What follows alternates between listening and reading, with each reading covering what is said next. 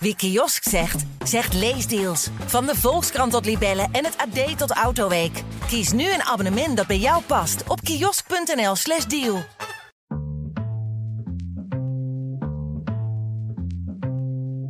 Nou, dus een aantal jaar geleden is er ook een, een groep huisartsen geweest. Eh, Die is ook naar de Tweede Kamer gestapt. Heeft het voor elkaar gekregen om wat regels afgeschaft te krijgen. Nou, Marleen zegt stiekem zijn ze er toch weer bijgekomen de afgelopen jaren. Nou, daar, daar moeten we dus eens mee stoppen. Dat is de boodschap. Vanaf het moment dat de huisarts je naam noemt in de wachtkamer, heeft deze 15 of zelfs maar 10 minuten de tijd. Om je verhaal en de klacht te horen, misschien een lichamelijk onderzoek te doen, een diagnose stellen, een recept of doorverwijzing naar een specialist schrijven, een heldere uitleg geven, maar ook alles netjes vastleggen. En zeker dat laatste kost door een weerwar aan regels en wetten ongelooflijk veel tijd. Terwijl de volgende patiënt al wacht. Kortom, de druk op Zeeuwse huisartsen is groot. Verslaggever Jeffrey Kutterink mocht twee dagen meekijken in een praktijk op Schouwen-Duiveland en schreef daar een reportage over. Dit is de PZC deze week. Mijn naam is Noortje de Kroo. Jeffrey, je liep twee dagen mee in de praktijk van huisarts Marleen Smits. Hoe ziet haar dag eruit? Buitengewoon druk. Uh, ze begint om 8 uur s ochtends, uh, gelijk met spreekuren. Um, kwartier de tijd voor, nou ja, elk kwartier eigenlijk een ander probleem. Elk kwartier een ander mens. Een mens wat ook op een andere manier benaderd moet worden. En binnen dat kwartier moet ze proberen te kijken of ze een oplossing kan vinden voor de klacht die iemand heeft. Nou, ze heeft een aantal patiënten tot aan de ochtendpauze. Dan kan ze nog snel ook wat telefoontjes doen. Dan gaat spreekuur door tot tussen de middag. Tussen de middag doet ze huisbezoeken bij vooral mensen die niet naar de praktijk kunnen komen. Doet ze nog wat administratie. En dan smiddags beginnen de uh, spreekuren weer. Tot een uur of vier doet ze weer administratie. En moet ze bijvoorbeeld ook de recepten controleren van de apotheek die zij heeft. Ze is een apotheekhoudende huisarts. Ja, en dat, dat is eigenlijk de hele dag. En dat gaat gewoon continu door. En dan vergeten we nog de spoedjes. Er was bijvoorbeeld een man met glas in zijn oog, kwam even tussendoor. Nou ja, want dat soort dingen, dat is razend druk. Dat gaat dus echt aan één stuk door. En wanneer is haar dag afgelopen? Ze werkt thuis door. Ze heeft twee kleine kinderen. Dus ze heeft een uh, gouden uurtje, zou ik maar zeggen. Dus tussen zes en zeven, zeven uur gaan de kinderen naar bed van één en drie. Maar ja, daarna uh, roept haar plicht. Ja, jij schreef in je verhaal dat de Zeeuwse huisartsen onlangs een paarse krokodil gaven aan een Tweede Kamerlid. Waarom deden ze dat? Omdat ze verzuipen in de regels. Dan spelen er in Zeeland een paar dingen. Zeeland heeft een tekort aan huisartsen. Uh, daar begint het eigenlijk allemaal al mee. Dus betekent dat uh, heel veel patiënten over vrij weinig huisartsen verdeeld moeten worden. Dus dat geeft al de eerste werkdruk. En daarnaast, hè, dus, dus het werk zelf is gewoon heel erg vol en druk. En daarnaast worden ze gewoon gehinderd door heel veel regeltjes die op zichzelf vaak wel goed te begrijpen zijn. En, en je kunt ook best wel uitleggen waarom een regel er is. Maar alles bij elkaar maakt het, ja, maakt het, het soms gewoon heel onwerkbaar. Kan je een voorbeeld noemen? Ja, ze noemden verschillende voorbeelden. Ze hadden het bijvoorbeeld over een uh, patiënte die een heel verleden heeft in de GGZ, de geestelijke gezondheidszorg. Degene was daar eigenlijk al uitbehandeld, maar bleef klachten houden. En komt dus weer opnieuw bij de huisarts. Maar die huisarts weet eigenlijk helemaal niet wat er gebeurd is bij die GGZ-instelling. Dus belt ze die instelling op met de vraag: wat is er eigenlijk met die patiënt gebeurd? Hoe is die behandeld? En krijgt dan gewoon nul op het request. Ze krijgt dat niet te horen, want privacy gaan we weer. Dat betekent dat de huisarts geen informatie krijgt, eigenlijk niks kan. En het antwoord wat Marleen dus kreeg was: de patiënt moet zelf naar de instelling komen, fysiek, want die moet zelf zijn gegevens opvragen en moet daar ook voor tekenen. Dat duurt dan weer even een tijd. Al die tijd krijgt die patiënt dus geen zorg. Nou ja, dan ligt dat dus allemaal stil. En dat zijn allemaal van die regeltjes. Terwijl je eigenlijk zou denken, als de huisarts belt naar zo'n instelling, nou dan kan je dat toch uitwisselen en is dat toch goed. Maar nou niet dus. Ja, want zo'n patiënt heeft al zo'n zorgvraag en die krijgt dan eigenlijk te horen dat hij het zelf moet oplossen. Klopt. Als je dan twee dagen meeloopt in zo'n praktijk, dan schrik je gewoon van ja, de regeltjes die er allemaal tussendoor uh, gaan. Ja, als er in het land eens een keer wat gebeurt. Hè. We, we hebben in, uh, in de PZC hebben we daar ook vaak berichten over. Dan gebeurt er iets in de zorg. Dan gaat er ergens iets fout. De, de halve Tweede Kamer zie je op de barricade springen. Want dit mag nooit meer gebeuren. En wat gebeurt er dan vaak? Dan worden er nieuwe regeltjes bedacht om dat te voorkomen. Ja, en zo houden we elkaar eigenlijk een beetje bezig. Het, oh ja, wat een voorbeeld bijvoorbeeld is van, ehm, van dingen dicht willen timmeren, geen fouten willen maken en daar veel, veel werk uit creëren, vind ik bijvoorbeeld thuiszorg mogen op mijn verzoek dingen uitvoeren. Een injectie toedienen of een urinekatheter plaatsen of uh, medicatie toedienen, noem het maar op. Daar moet je vaak een handtekening voor zetten dat je daarvoor uh, opdracht hebt gegeven, anders mogen ze dat niet doen. Vroeger zei je tegen de zuster: Wil je dit en dit doen? Ik maak notitie in de map en dan is het geregeld. Tegenwoordig moet je hele formulieren invullen met allemaal naam en toenaam en uitvoering, hoeveel milligrammen en dit en handtekeningen. Dan verandert er één dingetje, moet je een nieuw formulier invullen. En het is zelfs zo dat ik tegenwoordig heel vaak, zie ik in mijn agenda verschijnen, eh, de thuiszorg heeft eh, een paar dagen geleden urinekatheter geplaatst. Wil je alsnog even een uh, uitvoeringsverzoek maken? Ja, dan ga ik op mijn voorhoofd wijzen. Want dan denk ik, waar zijn we nou helemaal mee bezig? Moet ik dan maar tekenen voor iets wat jij in het verleden hebt gedaan? Waarom? Ja, het is goed bedoeld natuurlijk, maar het, uh, in de praktijk werkt het uh, heel erg tegen. Klopt. Het positieve zit hem natuurlijk in de bescherming van de kwaliteit van de zorg, bescherming van privacy en gegevens. Dus dat er regels moeten zijn, dat is duidelijk. En dat is ook precies wat Marleen wel aangeeft in, uh, in mijn verhaal. Stuk voor stuk zijn die regels best uit te leggen. Maar bij elkaar ja, is het, maakt het het werk gewoon heel zwaar. Ja, wordt onwerkbaar voor ze. Wordt onwerkbaar. Ja, en is dit nou een typisch Zeeuws probleem?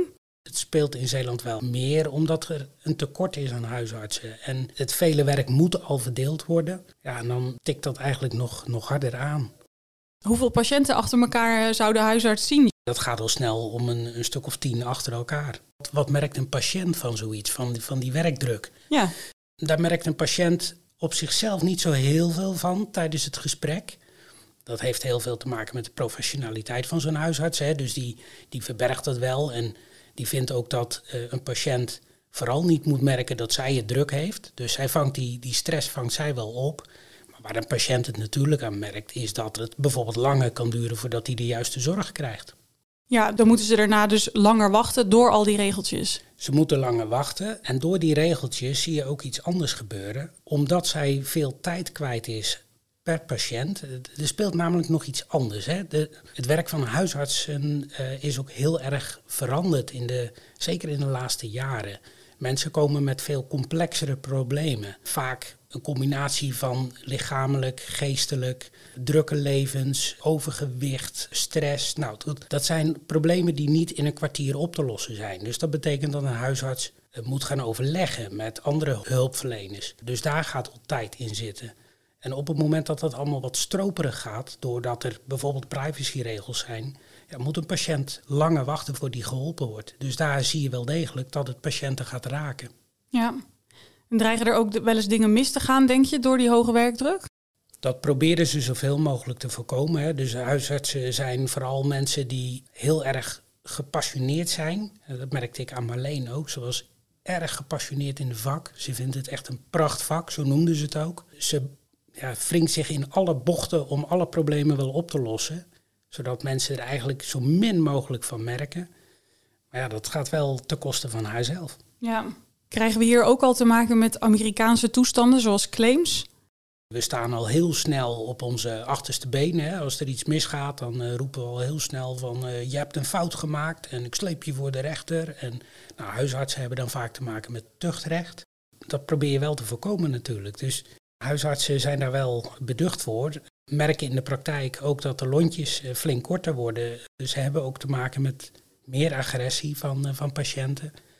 En, en, een deel van die agressie zit hem ook in inderdaad van dreigen met het nemen van stappen. Dus juist daarom let je ook heel erg op het vastleggen uh, van al je gegevens. Dat je alles goed doet, dat je alles volgens de regeltjes doet. Want ja, stel dat je een fout maakt, dan hang je. Ja. ja, vroeger was de huisarts meer misschien een vanzelfsprekende autoriteit. Terwijl mensen nu komen ze binnen, uh, ze hebben zelf al gekeken op uh, thuisarts.nl of meer dingen bij elkaar gegoogeld. Hoe is dat voor zo iemand als Marleen?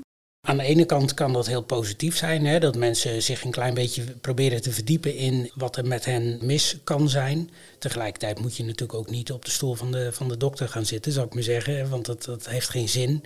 Nou ja, Google zelf maar eens, uh, als je pijn in je grote teen hebt, dan uh, als je op internet kijkt, dan denk je van uh, dat je de meest erge, erge ziekte onder de leden hebt. Ja. Dat hoeft helemaal niet zo te zijn. Nee. Je hebt het in je verhaal ook nog over de WTZA. Wat betekent dat voor huisartsen? Ja, dat is een, een, een vrij nieuwe wet, wat vooral fraude moet tegengaan. Nou, in de praktijk, wat merken huisartsen daarvan? Het is weer de zoveelste wet die ervoor zorgt dat huisartsen van alles moeten vastleggen.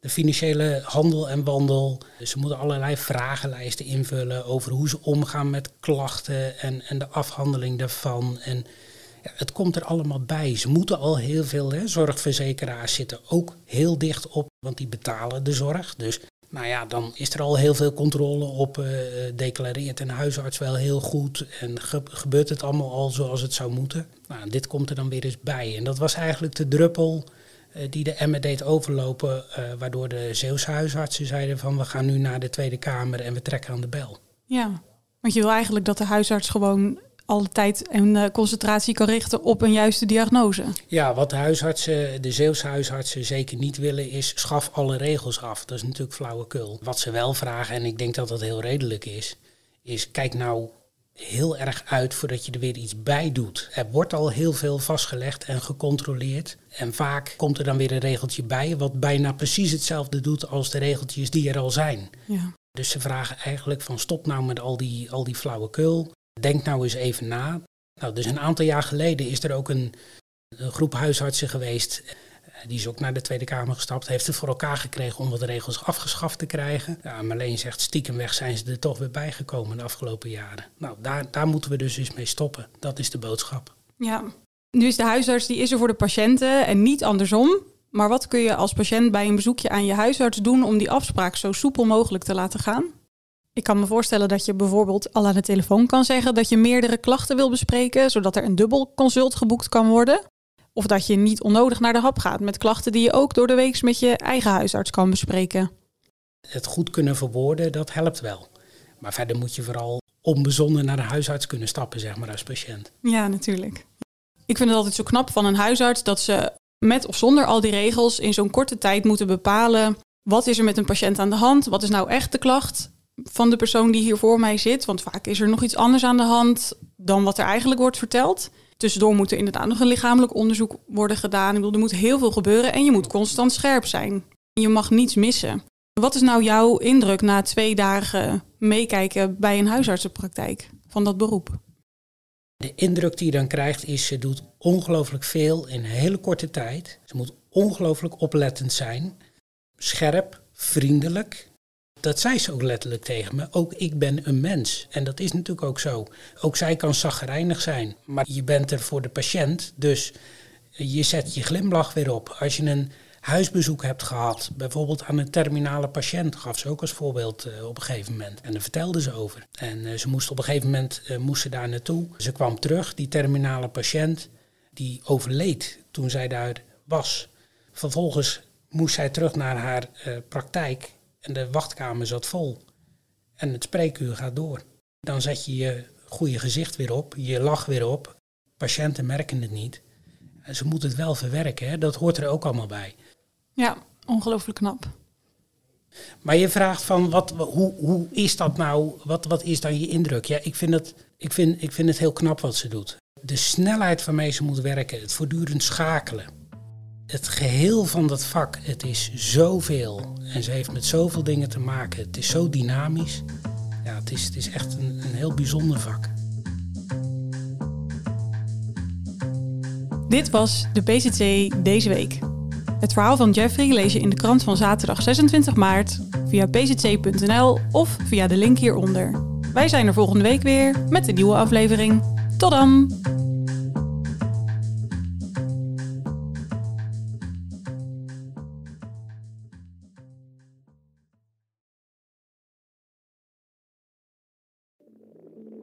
Ik denk dat je een soort van tweespalt had tussen de mensen die ons cool vonden en de mensen die het cool vonden om ons te haten. Maar ik kan me nog levendig de eerste vier tellen herinneren. Dat ik heel goed besefte zo van met deze tikken bepaal ik volgens mij wel een toekomst. Kijk, als we dingen heel anders hadden gedaan, dan was dit niet gebeurd. Als we ooit klaar zijn en ik moet eh, de, de, de vijf hoogtepunten van onze carrière noemen, is dit er één van.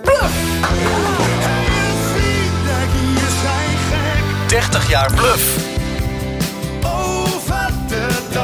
De verhalen die je nog niet kent. Aan de hand van 10 songs. Dit is de podcast 30 jaar bluff. Waaraan we verdwijnen. Met Peter, Bas, Norman en Pascal. Nu in elke podcast-app. Wie kiosk zegt, zegt leesdeals. Van de Volkskrant tot Libellen en het AD tot Autoweek. Kies nu een abonnement dat bij jou past op kiosk.nl/slash deal.